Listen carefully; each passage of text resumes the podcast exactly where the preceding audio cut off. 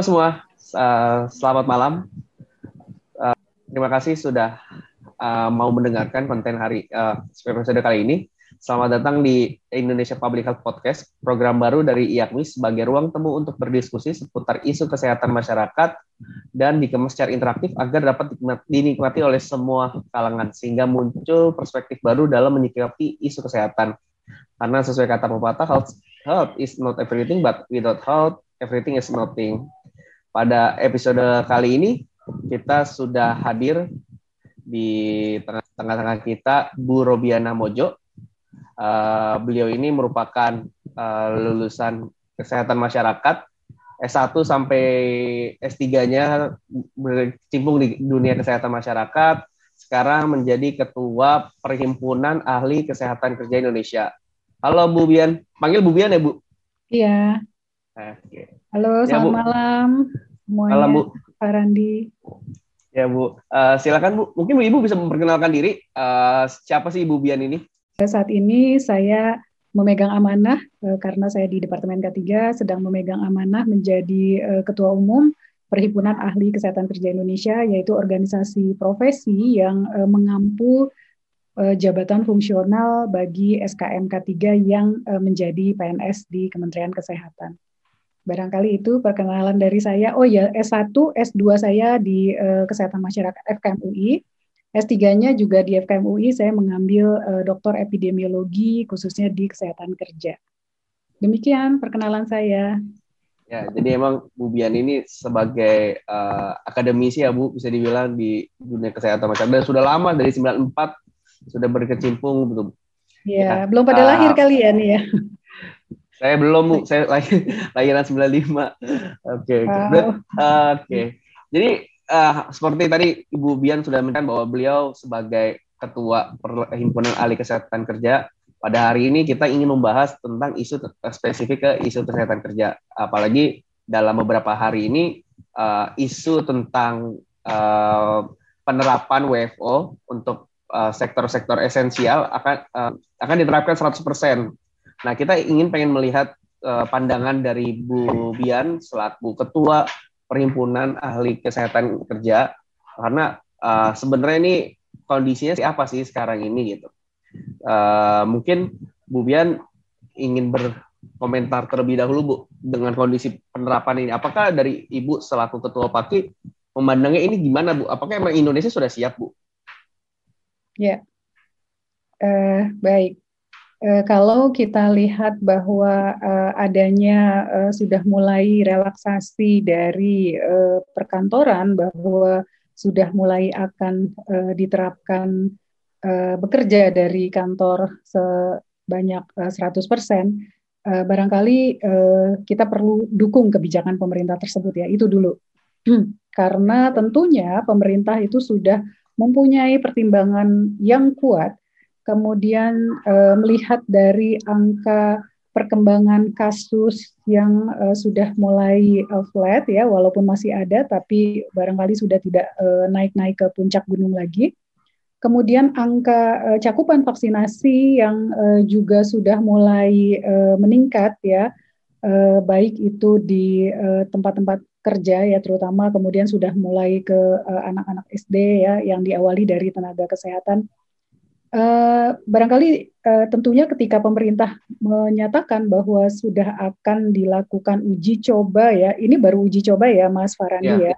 Uh, rasanya uh, kita perlu dukung itu. Tentunya pertimbangan-pertimbangan, kemudian juga uh, risiko dari uji coba ini tentunya sudah di sedemikian diperhitungkan oleh pemerintah sehingga kita selaku masyarakat uh, umum yang kemudian kita juga sebagai pekerja ini kita patut mendukung. Itu dulu yang pertama. Kemudian kalau ditanya sudah siap atau belum sih, nah untuk itu makanya namanya percobaan dulu ya. E, kalau disebut percobaan artinya perlu disiapkan semuanya ya dari sisi pemerintahnya. Jadi bicara COVID di tempat kerja memang e, harus hati-hati bahwa masih ada loh yang namanya super spreader ya, yang kita nggak tahu ya. kalau dia kemudian ke kantor, ya dia kemudian me, uh, tidak memenuhi mengikuti prokes, ya bisa menulari banyak orang. Untuk itu uh, kemudian ada tiga komponen yaitu uh, peran pemerintah, peran dari manajemen atau dunia usaha ya dalam hal ini adalah para pengusaha, industri dan pekerjanya itu sendiri.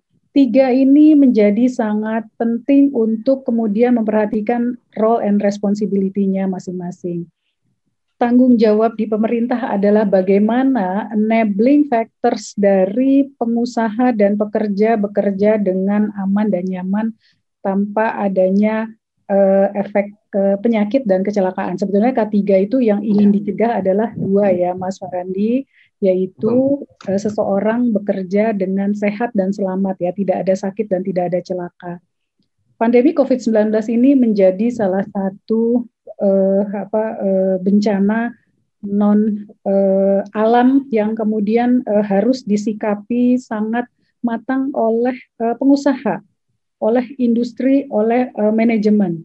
Untuk itu kemudian peran pemerintah di uh, selaku uh, pengendali pemegang kebijakan, kemudian peran dunia usaha juga penting bagaimana kemudian kantor-kantor itu dapat melengkapi dengan ventilasi, dengan sarana prasarana eh, PHBS yang memadai, dengan mengatur secara eh, administratif ya kerumunan, titik-titik kritis tempat berkumpul itu juga sudah mulai harus di eh, ditelaah oleh pengusaha. Dan eh, yang ketiga yaitu karyawannya, pekerjanya ini juga memegang peranan yang penting sekali mereka harus mematuhi apa yang sudah dicanangkan, apa yang sudah digariskan oleh pemerintah, oleh kemudian eh, pengusaha, dan juga mereka punya eh, bekal eh, pengetahuan.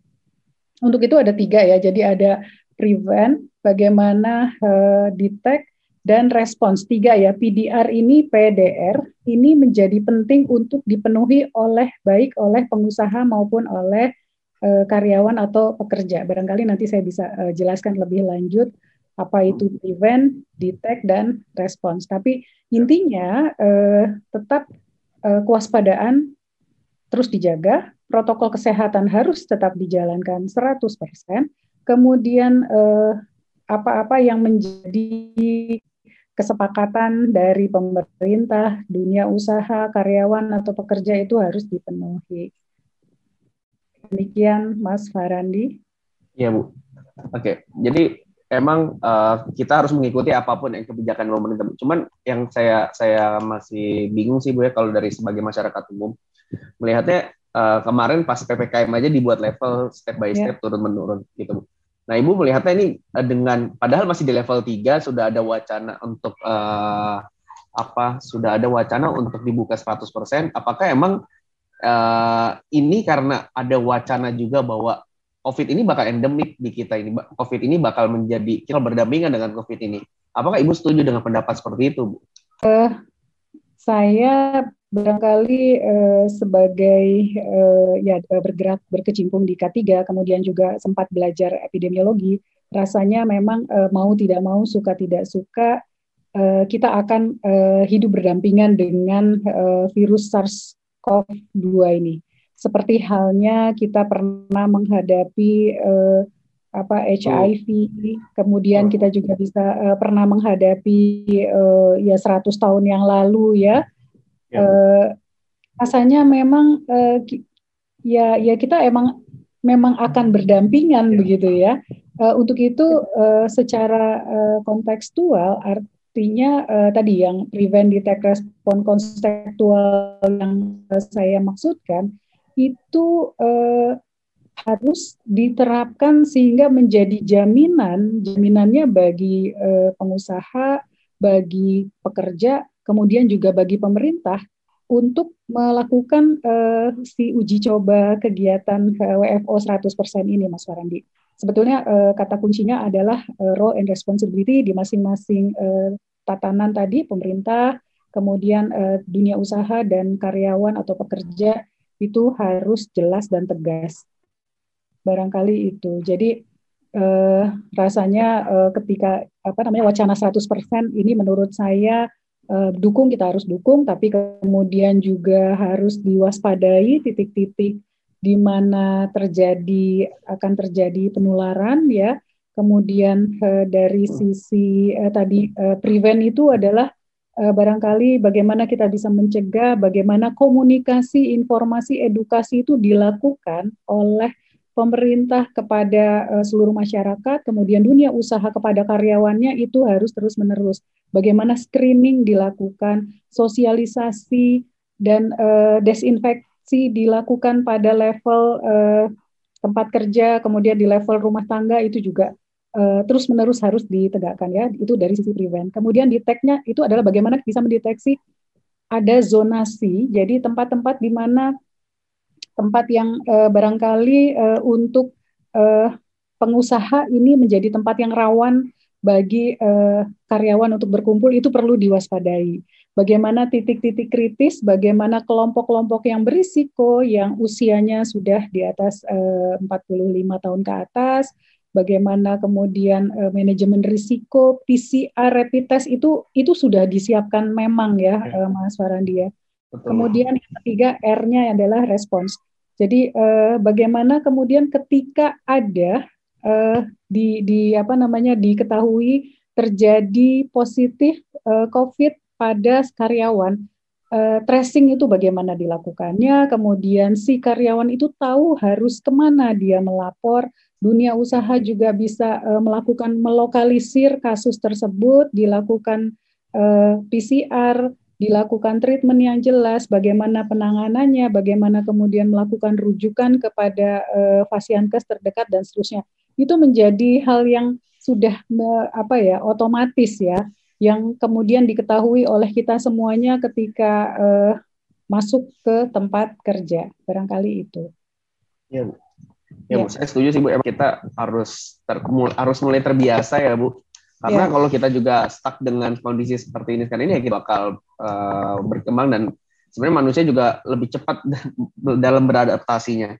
Cuman saya tadi Ibu bilang kan uh, tentang bagaimana menjalankan konsep prevent, uh, prevent, detect dan respond. Cuma, uh, pengalaman saya, saya juga uh, pernah berkecimpung di dunia ketiga Bu. Uh, biasanya juga uh, perusahaan agak begitu abai gitu dalam hal uh, aspek kesehatan atau keselamatan kerja karena biasanya suka dibenturkan juga dengan kos ataupun dengan uh, ketidakpahaman konsep yang ada gitu bu. Karena uh, profesional-profesional yang harusnya direkrut tidak sesuai dengan kompetensinya kayak gitu kan. Sehingga tidak tidak uh, apa ya tidak sesuai dengan seharusnya.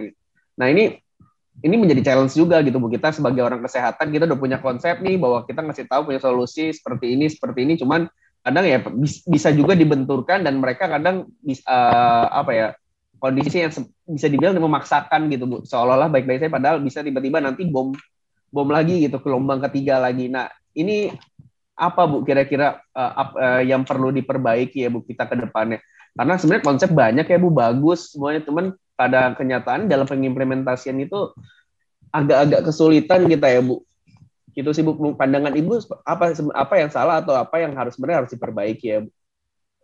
Ya. Eh, barangkali ya eh, Mas Warandi eh, kebetulan dari K3 juga pernah pengalaman juga ya. Eh, ya memang eh, ketika kita bicara implementasi K3 itu masih banyak pihak-pihak menganggap bahwa eh, K3 itu adalah cost center. Padahal eh, faktanya eh, kebetulan kalau saya bilang fakta berarti ada evidence base yang menyatakan bahwa dengan kita melakukan implementasi K3 sebetulnya kita itu melakukan investasi.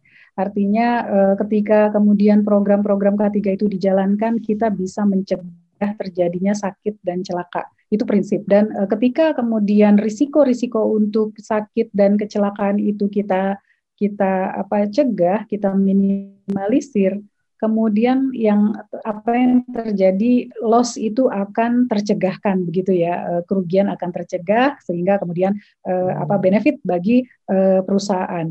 Ada yang namanya rasio benefit cost ratio yang kemudian dihitung mulai dari bagaimana pengeluaran-pengeluaran perusahaan ketika K3 belum diimplementasi kemudian dibandingkan dengan K3 diimplementasi. Itu itu sederhananya. Tapi memang bicara K3, Mas Farandi, eh, kita nggak bisa bilang eh, bahwa karena eh, sasaran K3 ini eh, bukan saja eh, sektor pekerja formal, tetapi pekerja informal. Kita tahu jumlah tenaga kerja informal itu besarnya itu hampir lebih banyak ya 50% eh, lebih daripada pekerja sektor formal. Terus ketiganya mereka siapa yang mikirin bagaimana kemudian ini pandemi Covid ini berdampak pada mereka itu itu nggak ada kan yang mikirin. Nah, yang e, bertanggung jawab atas teman-teman di sektor informal atau kita sebut biasanya UMKM kemudian diemban oleh ada yang Direktorat Kesehatan Kerja dan Olahraga di Kementerian Kesehatan yang kemudian sebagai ujung tombaknya adalah di puskesmas. Untuk itu tadi eh, kalau bilang susah atau sulit memang K3 harus dimulai ya eh, dari sisi eh, apa regulasinya, kemudian dari sisi teori dia harus dimulai dari nomor satu adalah komitmen. Komitmen tertinggi kalau di perusahaan berarti dari pemimpin perusahaan, direktur utama, CEO atau apa pun namanya. Sementara kalau untuk di uh, di, di uh, UMKM ya usaha kecil menengah mikro mikro kecil menengah itu yang punya komitmen itu adalah si pemilik usahanya. Tapi pemilik usaha itu rata-rata mereka nggak paham. Nah yeah. dan puskesmas yang mengedukasi mereka untuk itu uh, rasanya saat ini sedang berjalan uh, IAKMI sedang ditunjuk oleh Ditkes Jaur untuk melakukan pendampingan terhadap pos UKK ini. Karena permasalahannya bukan saja masalah K3 tapi ada masalah kesehatan masyarakat di sana begitu ya. Jadi bagaimana ya, sukses itu uh, bisa menjadi tanggung jawab semuanya termasuk kerja formal maupun informal termasuk keluarganya. Itu bagaimana kemudian tadi sulit eh, rasanya memang ketika si orang yang kita ajak itu tidak paham, itu kita akan kesulitan. Tapi begitu mereka melek, mereka tahu di edukasi ya. literasi mereka baik, itu eh, insya Allah itu mereka mau kok menjalankan K3 ya, begitu. Ya Bu, emang intinya juga ini secara masif ya Bu, kita kita uh, sebagai orang kesehatan masyarakat atau orang K3 yang uh, expert di bidang K3 ya jangan lelah untuk mengedukasi mereka yang belum begitu paham ya Bu. Apalagi kalau kita yeah. siap berdampingan seperti ini ya Bu. Itu oke Bu. Uh, saya lanjut Bu. Uh, satu isunya juga yang kita takutin adalah uh, penularan munculnya klaster-klaster perkantoran gitu Bu. Cuman sampai sekarang ini sebenarnya yang muncul eh yang yang yang datanya juga nggak valid sih uh, adalah terkait sebenarnya ada nggak sih datanya nih kasus ada klaster perkantoran gitu. Nah, saya pengen, pengen tahu pandangan Ibu. Sebenarnya kalau dari sisi eh, dari sisi pendataan kita gitu Bu untuk yang eh, ini nih kasus kantoran nih, ini kasus bukan perkantoran gitu. Sebenarnya kita tuh sudah sudah siap nggak sih Bu? Apalagi kalau kalau kita kita bicara Ibu bilang kebijakan atau strategi yang ingin kita lakukan ya kuncinya juga ada mulainya di data gitu. Nah, untuk memulai sampai sana apakah data kita juga udah siap Bu untuk uh, mengelola itu Bu? Eh, memang agak sulit ya ketika kemudian uh, Direktorat Kesehatan Kerja dan Olahraga yang uh, dalam hal ini menjadi uh, pengampu atau menjadi uh, leading sektor untuk kemudian uh, melihat atau mengembangkan satu pedoman untuk uh, bahwa ini adalah klaster perkantoran, ini adalah klaster rumah uh, tangga. Sebetulnya itu agak uh, kita agak sulit ya mengingat, ya, ingat bahwa si pekerja ini kan dia pulang ke rumah. Nah, inilah kemudian titik-titik kritis yang tadi saya bilang Mas Farandi bahwa ada tanggung jawab dari pemerintah, tanggung jawab dunia usaha serta tanggung jawab si karyawan itu sendiri. Tanggung jawabnya di mana? Kan uh, si pekerja atau karyawan itu kan berangkat dari rumah ke kantor apa sih moda transportasinya dia? Apakah dia naik kendaraan sendiri atau dia naik kendaraan umum? Nah, ketika kendaraan umum itu kan mau nggak mau harus diatur oleh pemerintah. Bagaimana kemudian penegakan disiplin prokes pada eh, apa namanya pada kereta, pada MRT atau pada bis umum bahwa yang naik itu hanya 50%, yang eh, selebihnya nanti eh, disiapkan armada yang lain dan sebagainya. Itu butuh butuh uh, apa ya uh, komitmen dari pemerintah untuk mengatur. Kemudian uh, ketika dia sampai di kantor itu kemudian menjadi tanggung jawabnya si pengusaha dunia usaha industri untuk menyediakan menyiapkan sarana prasarana untuk dia melakukan perilaku hidup bersih sehatnya, sarana cuci tangan, kemudian uh, jarak tempat kerja yang uh, lebih dari satu setengah meter, bagaimana kemudian dibuat kebijakan sedemikian rupa untuk tidak boleh tidak ada meeting begitu ya lift dilakukan atau tempat-tempat kerja tempat-tempat umum dilakukan desinfeksi setiap empat jam sekali tempat yang sering di apa namanya di ada ada apa handle pintu, tangga, telepon yang memang dipakai beramai-ramai itu dibuat satu aturan tertentu. Jadi bagaimana uh, si perusahaan pengusaha itu membuat satu investasi untuk zero error, zero wabah di lingkungan kerjanya itu menjadi hal yang penting. Itu tanggung jawab pengusaha. Karena uh, ketika kemudian dilakukan ppkm lagi, dilakukan lockdown, dilakukan uh, apa namanya uh, bekerja lagi dari rumah itu sebetulnya yang rugi banyak ya bukan saja si karyawan atau pekerja tapi pengusaha ini juga tentunya kan dia bisnisnya harus ya, jatuh tentunya terganggu begitu. Jadi eh, kemudian si pengusaha itu harus melihat bahwa unsur kesehatan ini adalah unsur utama untuk produktivitas di perusahaannya. Ini juga yang uh, harus mereka yakini. Ini blessing disguise. Tadinya kesehatan atau K3 itu tidak terlalu diperhatikan ya Mas Warandi. Tapi Eh, dengan adanya pandemi COVID-19 ini yang dicari adalah orang K3, mau di mana pun, mau di puskesmas, di rumah sakit, KKP, kemudian kita bicara di mana lagi, di perkantoran, itu yang dicari orang K3. Mana nih K3 nih? Karena mereka yang melakukan kemudian eh, kajian-kajian dan melakukan eliminasi, substitusi, bagaimana mengendalikan risiko, Eh, mencegah eh, sakit dan celaka gitu ya, memanage risiko apa-apa saja, diidentifikasi bahaya yang ada di tempat kerja dan seterusnya. Itu orang K3 gitu yang menghitung yang kemudian uh, di present, dipresentasikan bagaimana keadaan kedaruratan itu diberlakukan, itu juga teman-teman uh, K3 begitu. Sehingga uh, yang yang terakhir kalau dari saya adalah bagaimana kita bisa memutus mata rantai COVID ini lewat prevent, detect, response. Jadi dimulai dari rumah, betul sekali tadi Mas Warandi bilang, ini kan e, bisa klaster rumah terus ke kantor, itu yang terjadi sebetulnya.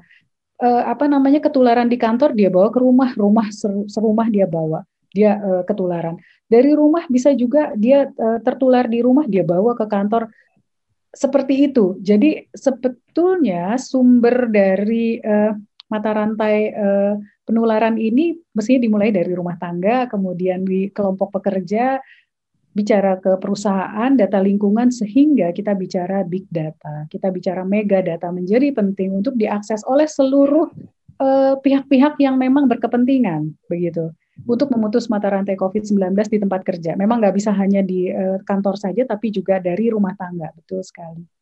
Itu ya, barangkali Ya Bu, tadi Ibu sempat mention sedikit tentang pengawasan. Eh, orang Ibu tuh nih sebenarnya orang K3 untuk uh, substitusi eliminasi untuk menilai risiko yang ada di lingkungan kerja.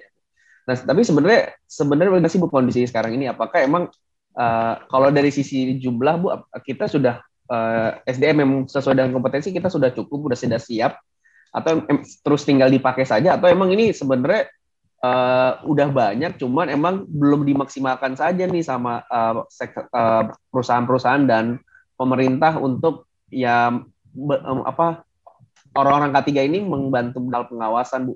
Kondisinya seperti apa sih Bu sekarang ini sebenarnya? Ya. Untuk dari sisi SDM, Bu. Wah, ini kita ke SDM ya. Tadi saya baru uh, presentasi uh, di uh, Undip ya mau buka uh, S1 K3. Sebetulnya jumlah uh, tenaga S1 K3 atau SKM minat K3 yang kemudian duduk di nggak usah ke tempat kerja swasta dulu deh ya sektor formal swasta tapi ke yang formal di Kementerian Kesehatan itu masih jauh sangat kurang. Jadi eh, kalau saya punya data eh, dari RPJMN-nya eh, untuk kesehatan kerja itu da, di 2020 sampai 2024 kalau saya tidak salah. Ini uh, datanya saya uh, mesti buka PPT ya. Itu ada indikator-indikator yang harus dipenuhi. Ya ini untuk untuk yang uh, mau jadi PNS dulu ya Mas Farandi ya. Karena namanya uh, adanya keberadaan kesehatan kerja untuk kemudian melakukan ini da baru dari Kementerian Kesehatan. Itu sekitar 200 ribuan Karena kenapa? Karena kita punya puskesmas. Jadi uh, ada yang namanya peraturan uh, penda Menteri Pendayagunaan Aparatur Negara Reformasi Birokrasi 13 2013 itu menyatakan bahwa ada yang namanya pejabat fungsional pembimbing kesehatan kerja. Namanya pembimbing kesehatan kerja ya teman-teman K3 nanti kalau mau jadi PNS itu ternyata harus ada di seluruh puskesmas minimal satu di seluruh lokus lokus eh, apa namanya eh, Kementerian Kesehatan seperti di KKP, di rumah sakit, di eh, puskesmas. Jadi memang eh, saya kebetulan eh, juga ber apa eh, hubungan baik dengan Biro Kepegawaiannya Kementerian Kesehatan. Jadi itu diisi oleh bukan K3 begitu ya, yang ya. eh, apa mereka melamar ya menjadi PNS dan oleh Biro Kepegawaian karena dari masing-masing lokus tadi yang saya sebutkan balai-balai, balai kesehatan, eh, balai teknik, balai eh, apa namanya eh, paru dan seterusnya, kemudian puskesmas, rumah sakit itu spesifik, rumah sakitnya itu rumah sakit vertikal, RSUD, Eh, rumah sakit uh, yang vertikal itu tentunya yang uh, se-Indonesia itu yang langsung bertanggung jawab ke apa ke Kementerian Kesehatan ya kalau RSUD atau rumah sakit provinsi tanggung jawabnya ke gubernur atau ke bupati. Nah itu mereka uh, butuh minimal satu pembimbing kesehatan kerja. Kalau di uh, apa di perusahaan swasta di industri tambang migas itu uh, chemical itu namanya HSE ya itu aja belum bisa terpenuhi untuk yang PNS iya. dan eh, nggak terlalu belum terlalu apa ya menggeliat juga ya. Jadi eh, lulusan K3 ini lebih senangnya ke swasta gitu ya ke industri. Karena di sana pun juga diisi oleh para ahli yang bukan eh, backgroundnya K3 sementara kalau dari safety itu barangkali bisa dipelajari uh, ah itu gampang bisa dipelajari dua minggu tiga minggu sebulan. Hmm. tapi bicara mempelajari kesehatan itu enggak secepat itu kan gitu ya kan kalau belajar yeah. anatomi fisiologi belajar IBD ya ilmu biomedik dasar belajar uh, apa namanya uh, tentang fisiologi tubuh bagaimana metabolisme dan seterusnya dan belum lagi bicara manajerial kesehatan dan sebagainya dan seterusnya barangkali uh, itu kurang lebih uh, kalau saya ya. bilang ya. yang namanya demand uh, sama uh, kebutuhan sama yang tersedianya itu masih belum terpenuhi sehingga memang kita masih sangat banyak butuh hmm. seorang SKM K3 atau S1 K3. Ya, jadi ini kalau buat teman-teman yang uh, masih mahasiswa ini menjadi peluang sebenarnya, apalagi dengan kondisi kita bakal ya. berdampingan dengan COVID gitu, otomatis juga di dunia Betul. kerja kita uh, mereka lebih membutuhkan kita gitu orang-orang kesehatan orang-orang K3 untuk dalam hal pengawasan gitu. Itu yang uh, yang tidak boleh dilupakan ya Bu ya? Ya ya. Sebetulnya bukan saja pengawasannya Mas Farandi uh, kalau ya. bicara K3 pengawasan itu memang dia uh, apa namanya nomenklatur yang dimiliki oleh Kementerian Tenaga Kerja. Tetapi kalau dari Kementerian Kesehatan lebih kepada melakukan pembimbingan. Bagaimana melakukan oh, iya, pemberdayaan, betul. bagaimana mengedukasi tadi memberikan informasi, memberikan apa namanya memberdayakan lah orang-orang yang nggak paham jadi paham begitu. Ya ya. Mungkin ya. nanti kita bisa jadi satu episode sendiri nih Bu membahas dunia K3 sekarang ya Bu ya.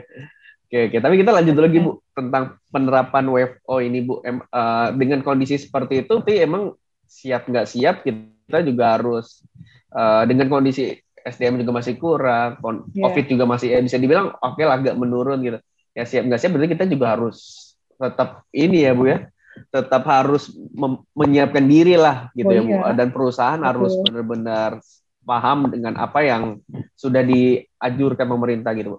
Uh, karena saya melihat gimana ya, uh, COVID ini nih kayak misteri ya Bu, tiba-tiba bisa menghilang. Karena jujur Uh, kalau dari dua, Juli ke Agustus ke September ini turunnya benar-benar drastis dan orang-orang di ASEAN aja kan apa negara-negara tetangga kita pada kaget dengan kondisi kita yang tiba-tiba drastis gitu. Nah, ini seperti ya kita nggak tahu ke depannya kan seperti apa ya kita seperti sedang bermain kartu dan nggak tahu nih bagaimana gitu.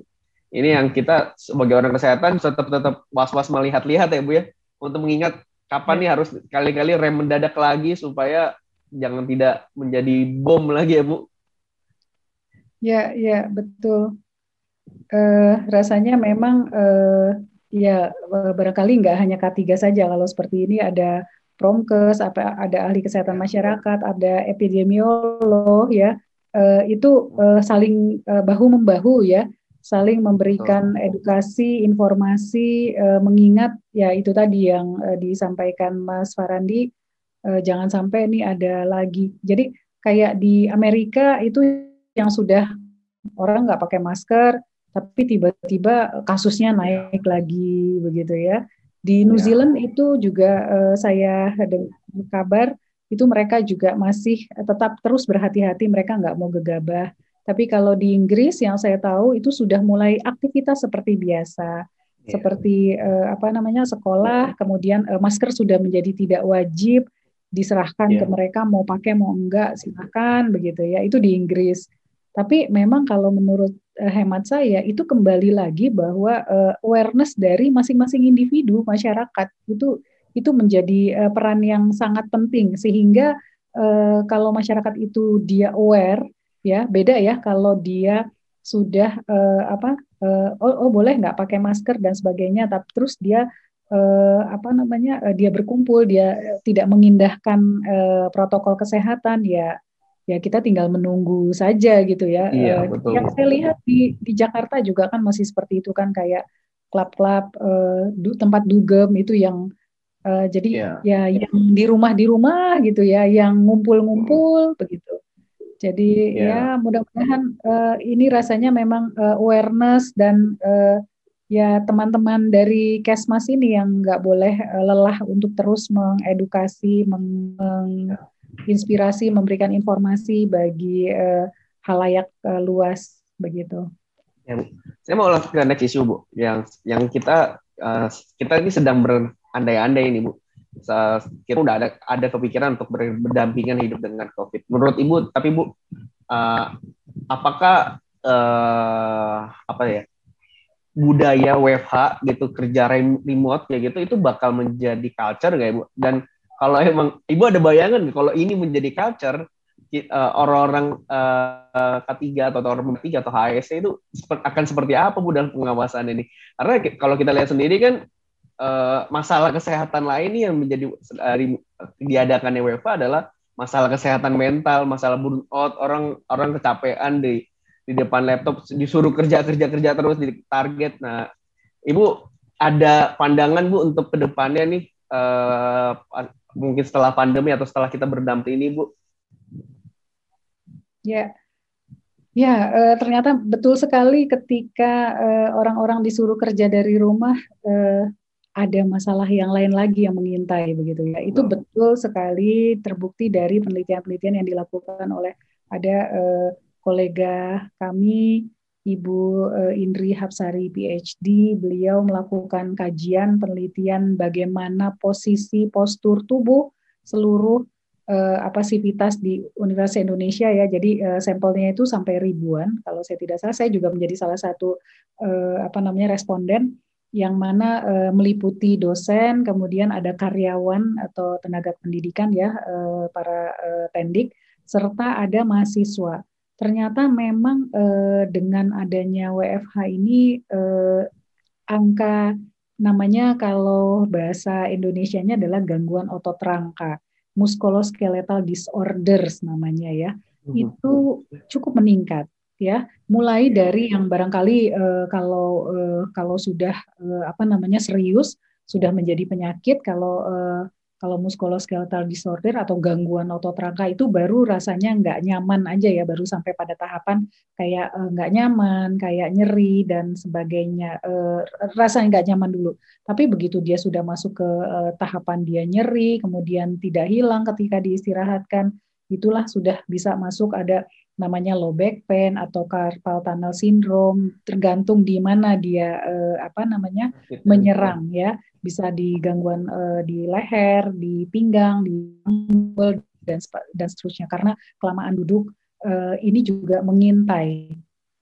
Sehingga lagi-lagi uh, peran dari uh, siapa sih ini? Peran dari para uh, pengusaha. Di sini kami punya K3 LUI ya yang uh, kemudian kebetulan kerjasamanya dengan K3L itu adalah keselamatan kesehatan kerja lingkungan di Universitas Indonesia merupakan satu UPT ya yang uh, kemudian memberikan edukasi kalau bisa duduknya tuh yang benar. Jadi nggak bisa tuh kita apa be bekerja itu di tempat tidur atau berdiri sambil apa duduk di dengan kursi yang tidak ergonomis dan sebagainya itu ternyata tidak tidak bisa uh, apa itu itu kemudian uh, menjadi tantangan tersendiri.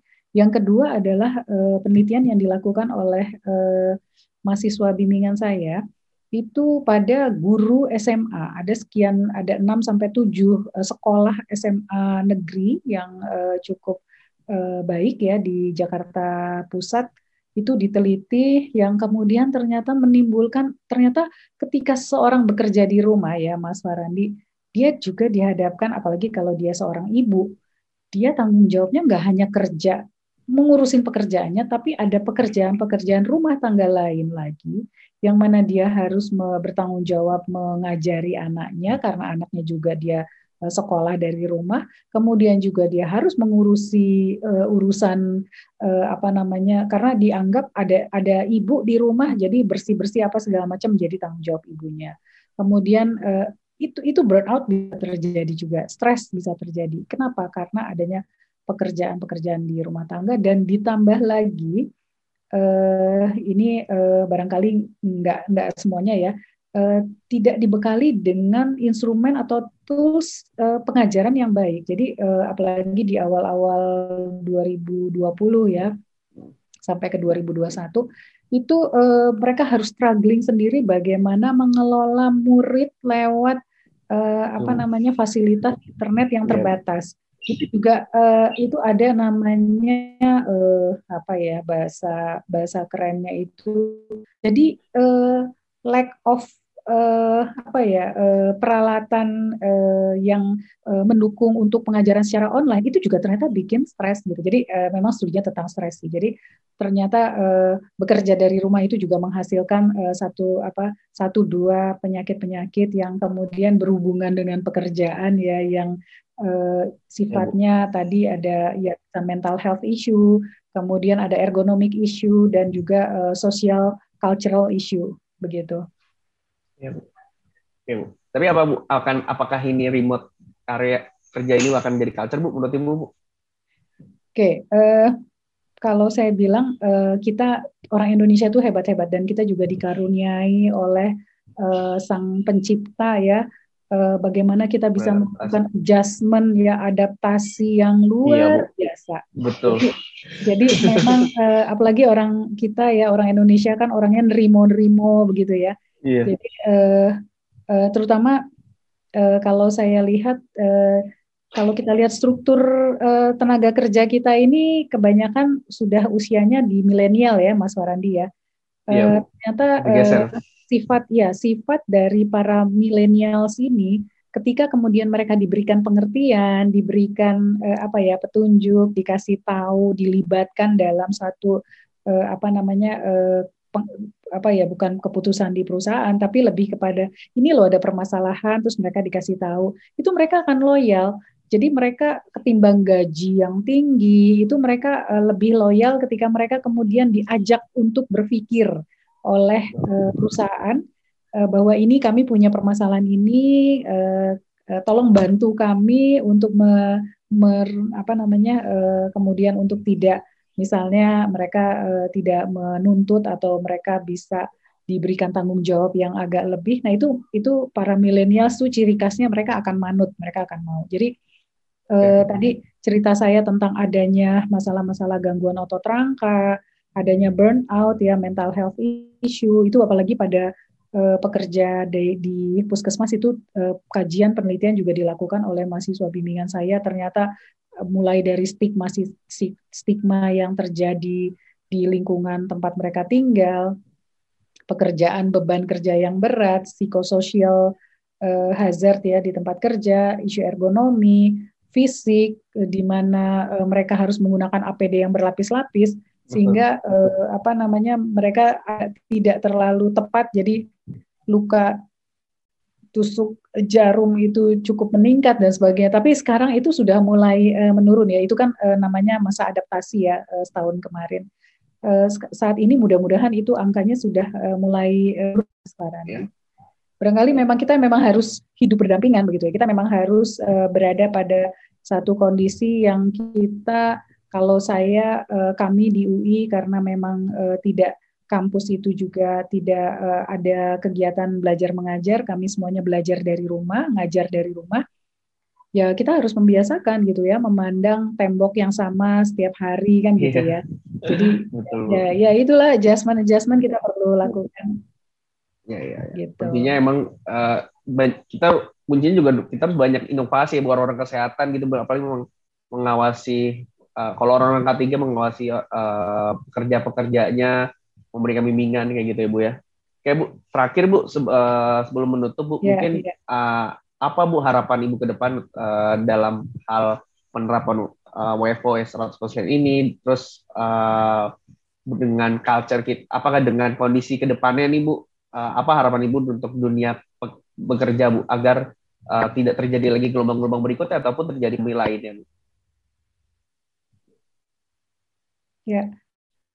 Uh, barangkali harapan saya adalah uh, tadi eh, masing-masing uh, pihak itu punya uh, role and responsibility, punya tanggung jawab yang kemudian tanggung jawab itu di, uh, di, dilakukan sebaik-baiknya dari sisi pemerintahnya yang uh, barangkali bisa uh, apa uh, memang kapan harus menarik rem, kapan uh, dia harus dilonggarkan gitu ya. Itu barangkali uh, komunikasi yang baik Eh, kemudian eh, dari sisi hmm, dunia usahanya, dari sisi pengusahanya, mereka harus sudah punya eh, apa namanya visi melakukan invest bagaimana menuju zero error dan zero wabah di lingkungan kerjanya dan memandang bahwa kesehatan itu adalah unsur utama dari satu produktivitas perusahaan.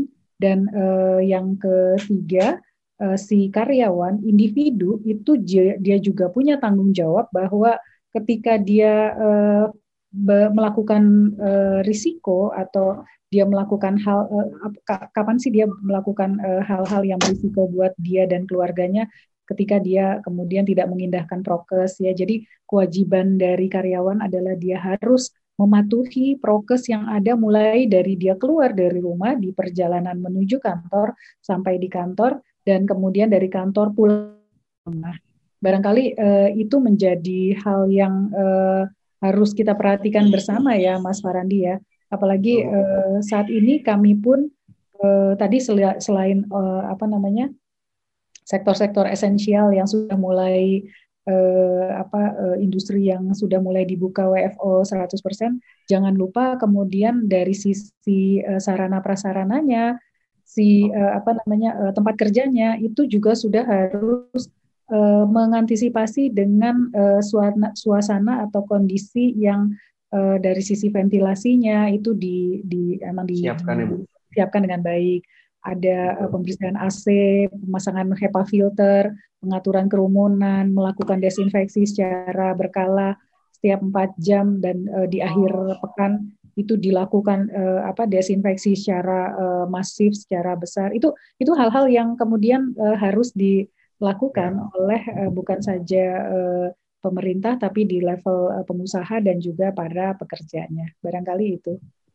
Ya dan itu pedoman-pedomannya juga panduan. Semuanya sudah banyak ya bu ya yang tinggal itu sudah ada semuanya. betul betul. Dikeluarkan oleh kementerian ya Kementerian Tenaga Kerja, Kementerian Kesehatan. Itu jadi Mas Farandi kalau uh, di awal-awal bulan uh, Maret, April, Mei tahun lalu itu kami uh, mencoba membuat ada satu policy brief ya berkaitan dengan apa sih pemikiran dari uh, UI untuk COVID-19. Itu semua menteri kementerian itu berlomba-lomba mengeluarkan aturan main berkaitan dengan ya, COVID-19. Jadi uh, banyak sekali kita sampai bingung gitu ya Kementerian Dalam Negeri ini ngeluarin ini, toto nanti keluar lagi ini, ini yang baru, yang lama udah nggak berlaku. Jadi memang yeah. tiap tiap saat ini ada ya. Jadi uh, kitanya mesti rajin-rajin barangkali ya melihat. Selektif ya Bu. Iya. Lebih selektif dalam memilih mungkin yang mana cocok dengan uh, tempat oh, usahanya, oh, iya. tempat bekerjanya kayak gitu. betul, gitu. Itu ya mungkin, mungkin menjadi uh, dan Jadi kita mungkin usah susah-susah. Betul Bu. Silakan Bu.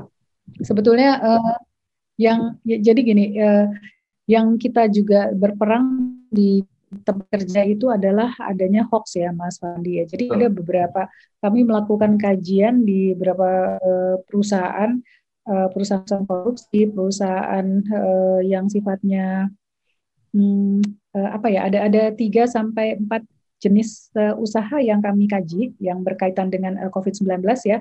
Ada uh, pertambangan, uh, kemudian uh, perusahaan logistik ya seperti uh, pengantaran barang dan sebagainya itu ternyata variasinya tinggi. Dan uh, ternyata uh, perusahaan itu juga harus perang melawan hoax ya. Bukan saja di hmm. masyarakat tapi di di dunia usaha itu uh, manajemen itu sangat uh, apa namanya uh, sangat uh, apa uh, usaha betul untuk uh, melawan hoax. Jadi apa yang mereka lakukan di beberapa uh, apa us, uh, perusahaan yang sifatnya sudah uh, uh, berafiliasi atau multi uh, internasional ya, yang pusatnya misalnya di Amerika atau di Australia, itu mereka uh, punya tim khusus untuk menangkal hoax dengan uh, berpatokan dari uh, WHO, kemudian dari CDC, dari Kementerian Kesehatan dan uh, kalau saya tidak salah uh, satu lagi dari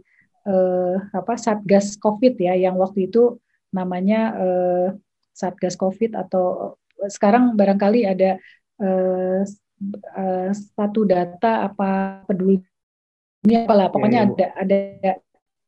Jadi hanya empat itu saja yang menjadi patokan mereka. Dan itu sama mereka di summary uh, aturan uh, WHO, I, uh, uh, CDC Kementerian Kesehatan yang berkaitan dengan COVID di tempat kerja. Karena Kementerian Kesehatan kan mengeluarkan ya berkaitan dengan uh, COVID di tempat kerja KMK 382 apa 328 oh. ya.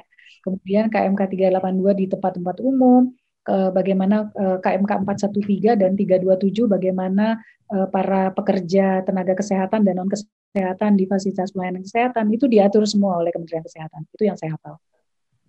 Iya, ya. Hafal hafal ya Bu, detail nomornya Bu. Hafal karena iya. saya dosen itu perundang-undangan K3. Iya. Jadi ya, karena harus karena bicara penerapan juga ya kuncinya dari kebijakan ya Bu. Ya. Bagaimana kebijakan yang ada dan uh, sudah diterapkan bagaimana gitu. Oke Bu.